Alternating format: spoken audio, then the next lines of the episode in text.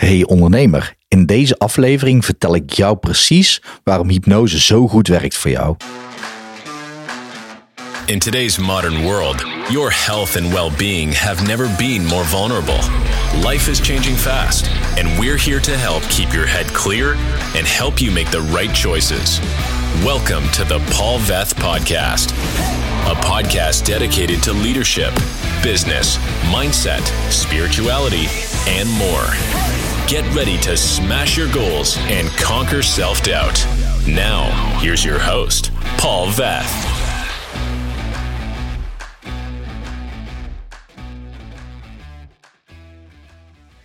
Ik krijg regelmatig deze vraag. Paul, waarom werkt hypnose nou zo goed bij ondernemers? Ik zal je dat vertellen. Meestal als ik iemand aan de telefoon krijg, dan vertel ik dit verhaal. Dus mocht ik jou nu een keer aan de telefoon hebben, vertel me dan even dat je dit hebt gezien. Dat bespaart gewoon ons allebei een aantal minuten.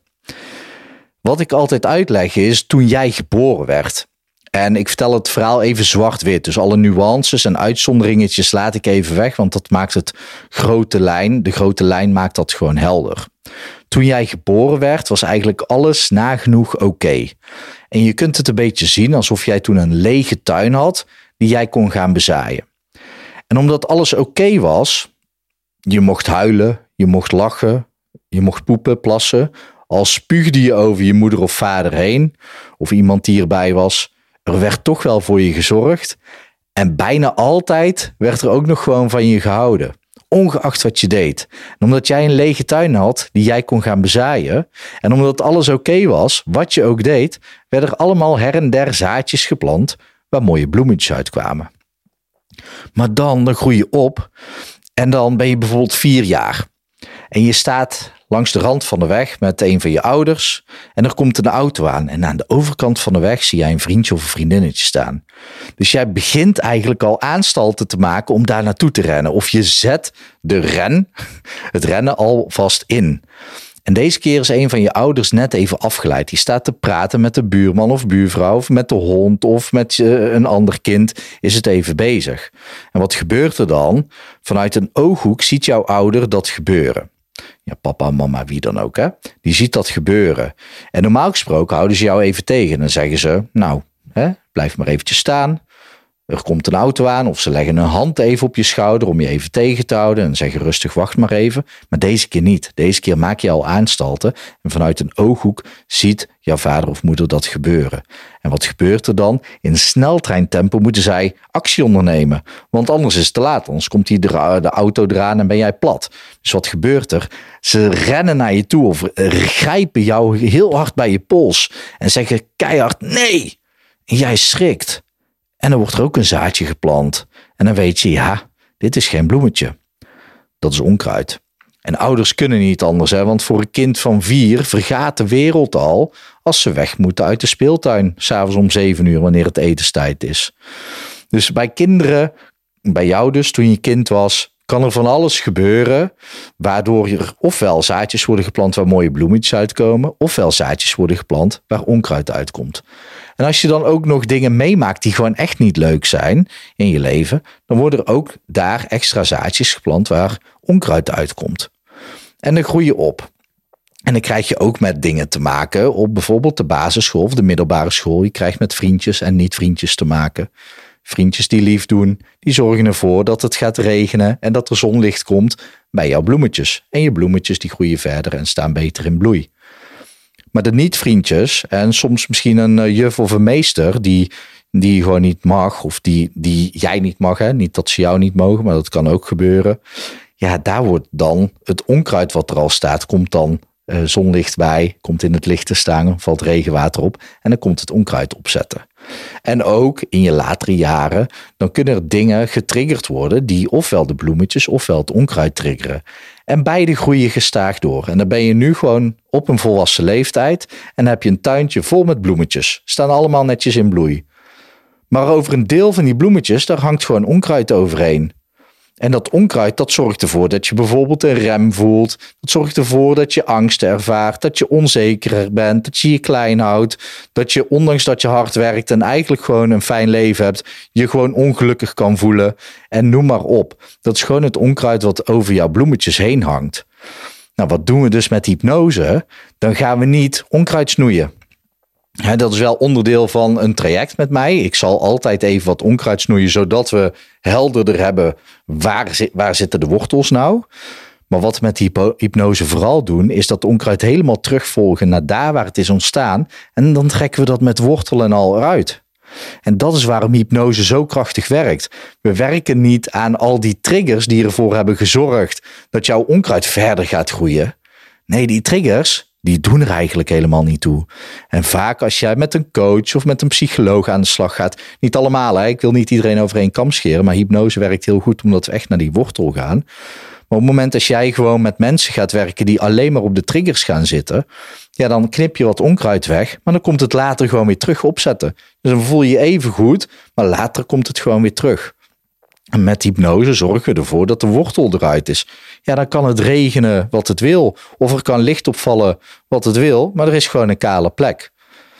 En natuurlijk zorgen wij ervoor in, in die hypnose-sessies, dat doen we altijd samen, eh, dat die kale plekken waar onkruid stond ook weer opgevuld worden met nieuwe zaadjes waar ook bloemetjes uit kunnen komen. Zodat er uiteindelijk in jouw tuintje en jouw bloemetjes veel meer ruimte en licht en regenwater krijgen, maar dat er ook nieuwe bloemetjes zijn. Ik heb al een keer al dit voorbeeld gedeeld, maar ik vind het zo'n krachtig voorbeeld. Er was een keer een dame die zat bij mij in de stoel.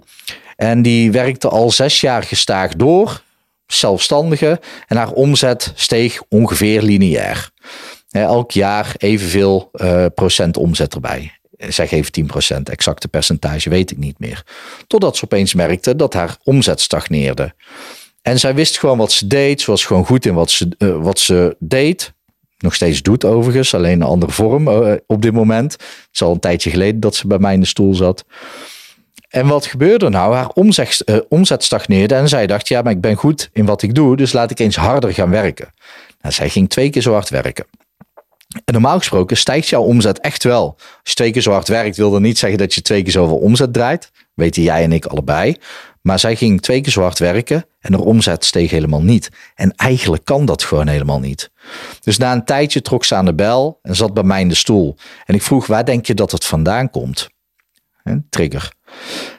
En zij zegt, ja, op de middelbare school werd ik gepest.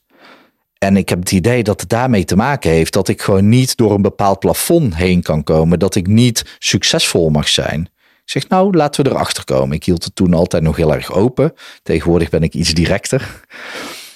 Maar ik hield het heel erg open en ik breng haar in hypnose. En in hypnose gaan we terug naar daar waar het is ontstaan. En zij kwam uit bij een leeftijd van één jaar. Ze was één jaar en er was een situatie waarin zij van een vrouw die aanwezig was in de speeltuin waar zij was, mocht ze niet op het klimrek. En toen hebben we het daar opgelost, waardoor zij wel op het klimrek ging. En uiteindelijk wilde zij toen op het klimrek, omdat ze dan aan de andere kant van het klimrek van de glijbaan kon.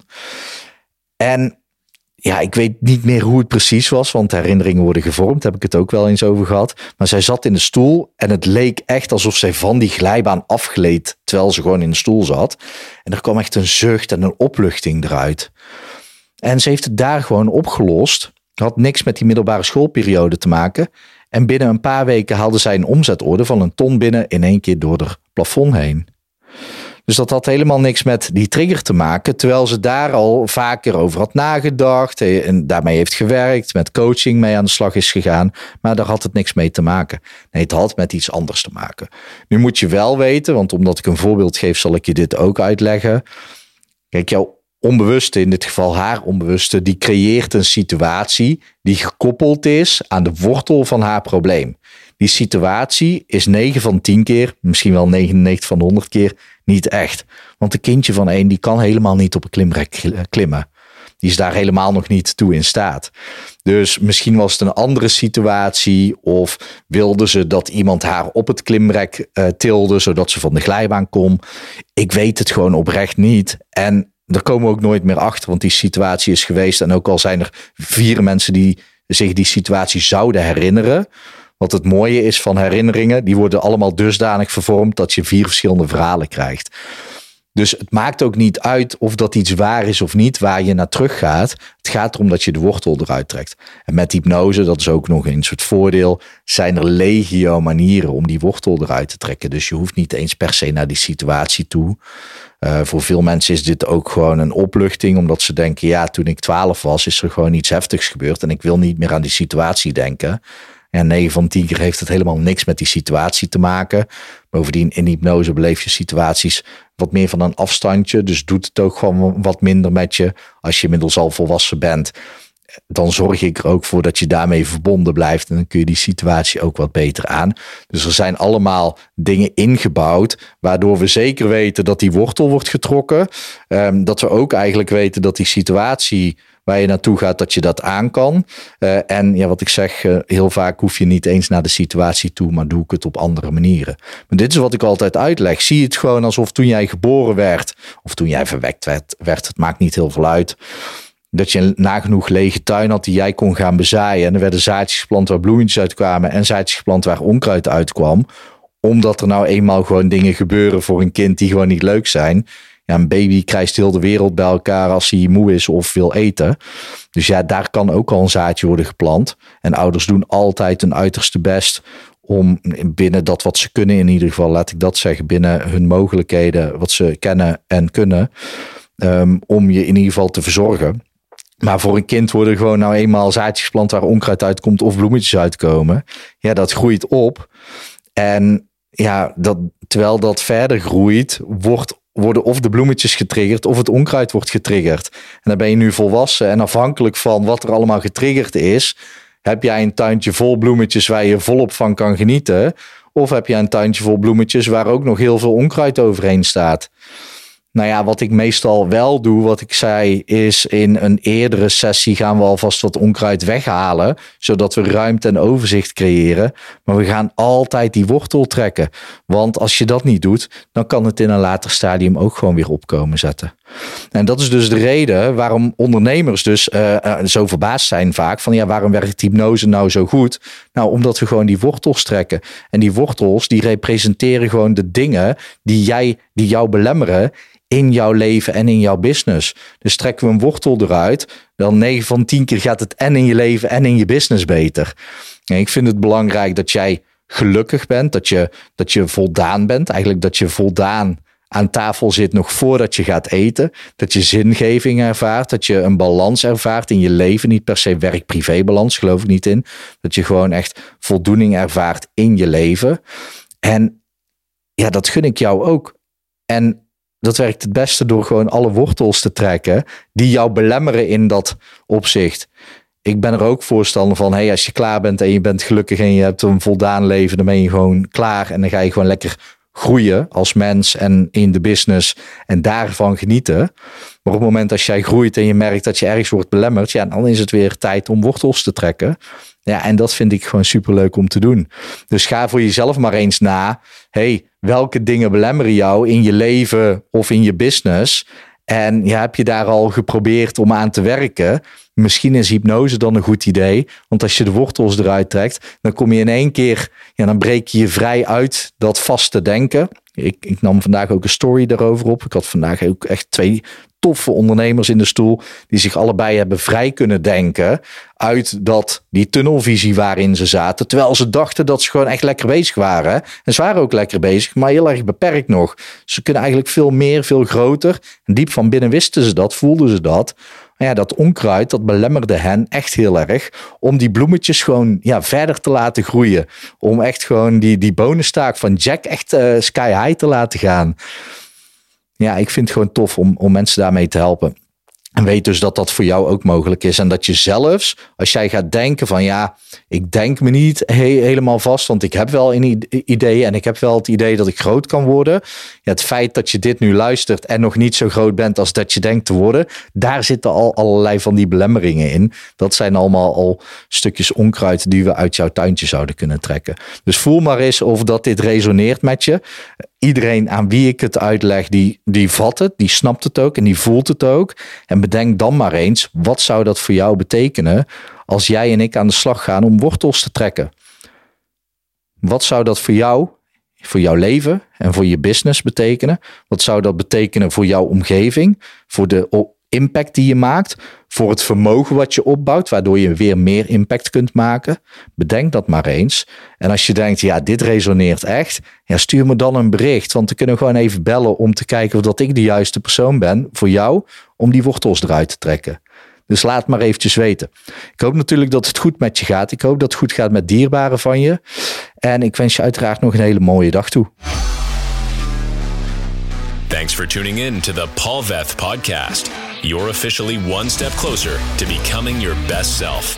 Be sure to subscribe wherever you heard this podcast so you never miss a future episode. For more information or to connect with Paul, check him out at hypnomaster.nl or on Instagram at hypnomaster.nl. Thanks again for tuning in, and we'll see you next time.